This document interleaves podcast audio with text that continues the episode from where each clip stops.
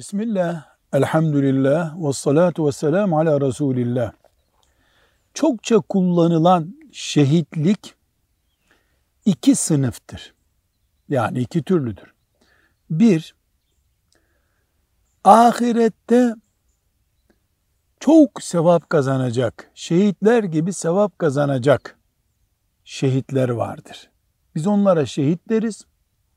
Ama ahirette şehitler gibi sevap kazanacak manasına. Mesela Peygamberimiz sallallahu aleyhi ve sellem doğum yaparken ölen kadının şehit olduğunu söylüyor. Bu Uhud savaşında ölen Hamza gibi değil.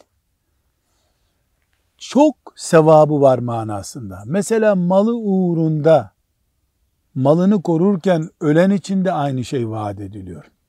İki türlü şehitlik var. Bir, çok sevabı olan insan, şehitler gibi makamı olan insan demek. İkincisi de Kur'an-ı Kerim'in şehitler dediği orijinal şehit. Bir savaşta Allah için cihad ederken vurulan ve orada ölen insana şehit denir. Asıl şehit budur. Velhamdülillahi Rabbil Alemin.